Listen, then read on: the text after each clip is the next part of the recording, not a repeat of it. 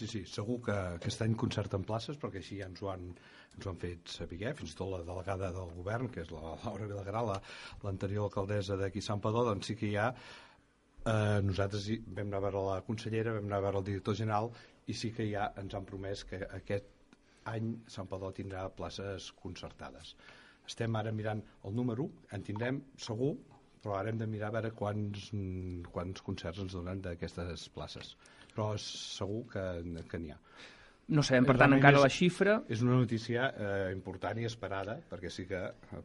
anàvem amb zero places concertades i al final doncs, tindrem places concertades. Això vol dir, abans d'acabar l'any, per exemple, hi ha un termini en què puguem dir a partir d'aquell moment eh, segur que hi haurà unes places concertades? Jo crec que un cop ara aprovats els pressupostos, el que està fent la Generalitat, sé que hi havia unes 1.200 places concertades a repartir per tot eh, Catalunya, doncs ara estan veient les prioritats, eh, perquè això sí que va per comarques. Hi ha comarques que tenen prioritat alta, prioritat mitja i prioritat baixa. Sampa i el Bages estem amb una prioritat eh, mitja-baixa, però tot i així eh, sí que ha fet un esforç la Generalitat de dir, home, eh, Sant Padó teniu una residència que no té cap plaça concertada i això és una cosa que hem d'anar a solucionar i al final doncs eh, quedarà solucionat perquè sí que ja tenen places públiques. Mm -hmm. Es solucionarà també aquest eh, litigi que hi ha amb l'empresa que gestiona la residència al voltant d'aquests beneficis que van sortir de l'obra de construcció de, de la residència, que, que, que, que l'Ajuntament creu que una part li pertoquen a, a ell i que en canvi l'empresa que va fer la construcció i que gestiona creu que li corresponen a ells tot? Clar, nosaltres sí que hem de vetllar pel, pel, pels interessos del poble de Sant Padó, ja sigui l'empresa que sigui, i sí que aquí tenim, discordem amb l'empresa perquè ells diuen una cosa i nosaltres en diem una altra i mm, doncs el que farem nosaltres és prevaldre evidentment els drets dels sampadorencs i les sampadorenques i sí que eh, nosaltres anem a totes per intentar que aquest, o si hi ha un litigi, doncs que aquest litigi sigui beneficiós per l'Ajuntament, que és com ha de ser. Perquè sí que eh, és lògic que una empresa privada vulgui fer uns, uns diners, però eh, també nosaltres hem de ballar per, pels interessos dels sampadorencs i sí que anem, en aquest cas, a totes, com hem anat eh, d'aquest darrer últim any, perquè hem estat disconformes amb, la, amb la concessionària. Això no afectarà el servei, però? No, mira, ara avui us puc dir que de les 90 places hi ha 84 places plenes de la residència, vull dir que sense tenir places concertades estar 84 usuaris de 90 realment és, és quasi bé el ple, vull dir que és, estem, estem molt bé en el nombre de, de, de, de residents eh? i això vol dir que realment era necessària aquesta residència. Sí que hem de mirar doncs, de millorar la, la gestió. La gestió sí que eh, arregla, arrencar un, un equipament tan gran com aquest sí que porta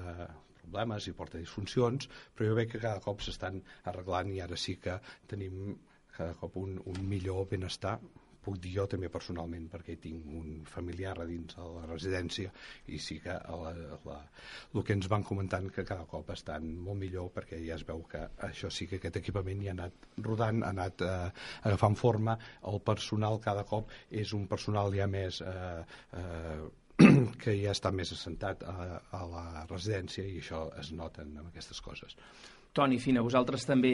feu aquesta valoració satisfactòria de com està funcionant la residència i penseu que abans que acabi l'any o en els propers mesos se sabrà ja i hi haurà, per tant, unes primeres places concertades? Bé, eh, jo estem amb el, jo, en el poc recorregut que tinc, doncs, eh, una de les coses que, que havia sentit, no, eh, que hi havia un document que és el Puedo Prometer i Prometo, no, que, que, que va fer un, un, un, un amic de, del govern, no, de que eh, això, aquestes places que sí que hi seran, que hi havia un document que, i realment no hi són aquestes places. Eh, des del grup de Convergència que es va fer tot un informe, es, està penjat a les xarxes i, i en aquell moment es va, es va veure que la prioritat de les places que diu que, que han d'autoritzar Sant Padó doncs a la comarca del Bages era dels, dels, les zones on hi havia eh, on la prioritat era més baixa que a nivell de català doncs hi havia moltes altres prioritats a nivell de tot Catalunya perquè aquí a la Bages de que ja estava ja ho tenien saturat la, les places concertades. Això és, un, és un, una part de, la, de les d'aquest, bueno, sí que diuen que hi seran, però quan hi siguin, d'acord, enhorabona, però és difícil de dir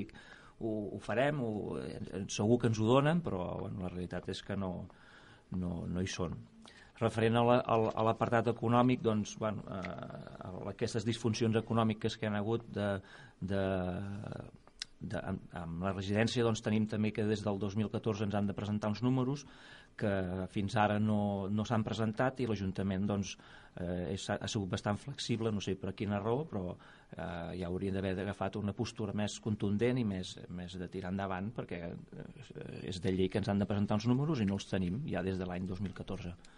i és clar, això es va derogant, sí que ho fem, que ens ho estem mirant, però hauria de ser una mica més contundent tot plegat. Perdona, més contundent que portar un ple, realment a les... això eh, demostra però és que estem des del 2014. Sí, sí, però demostra la intenció de realment anar sí. a totes i, i uh, quan hi ha difuncions de, de l'empresa. Perdona, Toni. Mm. Per... Fino. Bé, nosaltres una mica amb la mateixa línia i basant-nos molt amb el que ha dit l'alcalde, eh, perquè ja hem valorat aquí amb aquest programa diferents vegades tot el que és la qüestió econòmica. Nosaltres creiem, primer, que segur que ens ho... les places concertades venen a Sant Padó, eh, som reticents, nosaltres tenim molta memòria, li vam comentar des del nostre grup a l'alcalde al ple que tenim memòria, tenim bol i paper i a més a més ens ho vam apuntar perquè ell ha promès aquí avui o no ha promès amb, amb fehaciente, però sí que ha dit que li han promès amb ell. Només vull recordar que nosaltres teníem un document escrit quan jo també formava part del govern d'un milió d'euros i, i tot i tenint-ho escrit aquell milió d'euros crec que no ha arribat mai. Per tant, eh, tant de bo que sigui així, que vinguin a Sant Padó, i deixeu-me recordar que a Sant Padó no només hi ha una residència, que n'hi ha dues, que imagino que quan eh, les llistes s'obrin, l'altra residència també tindrà alguna cosa a dir. Els interessos dels sampadorencs i les sampadorenques, com diu l'alcalde, que se li preocupa tant a l'equip de govern, no en dubto, perquè nosaltres, com he dit al principi, tenim tot el respecte eh, per la intenció que té l'equip de govern, però crec que no han estat ben eh, ben cuidats, ben eh, acurats, ben seguits amb aquest eh, tema de la residència. Sí que coincidim amb una cosa amb el que ha dit el Xavier Codina, que és la necessitat d'aquesta residència era sí o sí, d'aquesta manera o amb alguna altra visió que s'havia portat des d'algun altre grup, era necessària, però de lo que se'ns va plantejar a lo que és la realitat de la residència a Sant Padó, jo crec que hi ha un abisme. En qüestió només numèrica, que és ben fàcil de presentar un estat de comptes amb un grup que té altres residències i encara que es porti a ple, jo crec que no es tenia que haver donat ni lloc a portar-ho a ple. És evident que s'ha de portar a ple perquè ara ja la mancança de transparència és tal que ha de passar obligatòriament per un ple, no només amb la reunió que se'ns va fer prèvia als grups que estem a l'oposició per donar suport, que era obvi que el donaríem, però s'ha de passar obligatòriament per un ple perquè ara hi ha l'INDA a la línia de la no legalitat, el que està fent la onada Sant Padó. Sí que és veritat que estem amb un, afortunadament amb una cobertura de 24, 84 places de 90,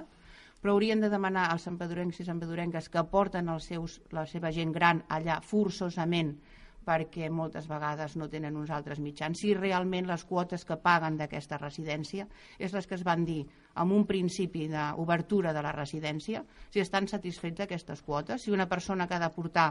una persona gran, un avi, 15 dies per tenir aquell període de descans ha de pagar prop de 1.600 euros per 15 dies. Això és el que vam prometre? Això és una residència municipal? Jo no. Si vol respondre, eh, Xavier Codina. Sí, bàsicament eh, les quotes les vam aprovar, que també tu Finer és la regidora, vull dir que són les quotes que vam aplicar. Xavier, perdona, eh, que faci no, no, punt i després, si, sisplau, final eh, dir que el que estem fent a l'Ajuntament de Sant Padó per, eh, per suplir les no places concertades, estem fent una cosa que no fa cap més Ajuntament, que és eh, ficar fer uns ajuts perquè els residents puguin eh, tenir com si fos una plaça concertada. I això sí que ho hem anat aprovant amb tots els pressupostos, doncs implementem una part segons el seu grau i també segons els, els eh, ingressos que té aquella persona, doncs l'Ajuntament dona aquesta eh, ajuda que realment això sí que no es fa allò més i estem suplint la Generalitat ja que no teníem les, les eh, places concertades, doncs ara eh, érem l'Ajuntament els qui ajudàvem no només a la residència de Cal Jorba, sinó també a l'altra residència de Sant Francesc, donàvem ajuts a les dues eh, residències. Sí que eh, quan ens va trucar l'altre dia el, el director general dient que ja teníem que tindríem les places concertades i també la delegada del govern, doncs després sí que vindrà el moment de plantejar-nos si seguim donant aquests eh, ajuts perquè eh, ja, serà, ja no caldrà fer de, de Generalitat de Catalunya si, perquè ja tindrem les places concertades i no caldrà implementar i ajudar amb els nostres avis d'aquí a Sant Padó. Aquesta partida, perdona, era de 200.000 euros. Sí. Es denunciava això pel, pel Xavier Claus a la Infolecció, justament, Sí. això. Són uns 200.000 euros, eh? Que tot i així mai Que ara no... desapareixerien, Sí, sí. eh, ens, ens plantejarem a veure com ho, com ho vestim. Eh, mai no s'han arribat a donar 200.000 euros, fins i tot hem a, a cops baixat la, la partida perquè no s'arribava ni molt menys a, a aquesta partida, perquè sí que agafàvem els barems que necessiten els avis, ja sigui de el que deia abans, segons el grau que tenen de dependència i també segons el, els ingressos que tenen eh, en aquest cas, perquè clar, evidentment un avi que té molt patrimoni no cal que se li doni ajuts perquè realment ja es pot ell costejar el que val la, la residència. Volies dir alguna cosa sí, encara, per, Fina? per torn de rèplica, que aquí sí que el podem tenir. Les quotes sí que es van aprovar, Xavier, quan jo era regidora, però el procediment d'entregar les eh, subvencions i les ajudes, no, no era el mateix. I jo et puc portar un PowerPoint que vam presentar quan vam fer l'inici de, la, de la residència amb la mateixa Laura Vilagrà, on s'especificava el que cobrava cada, el que, segons el que cobrava cada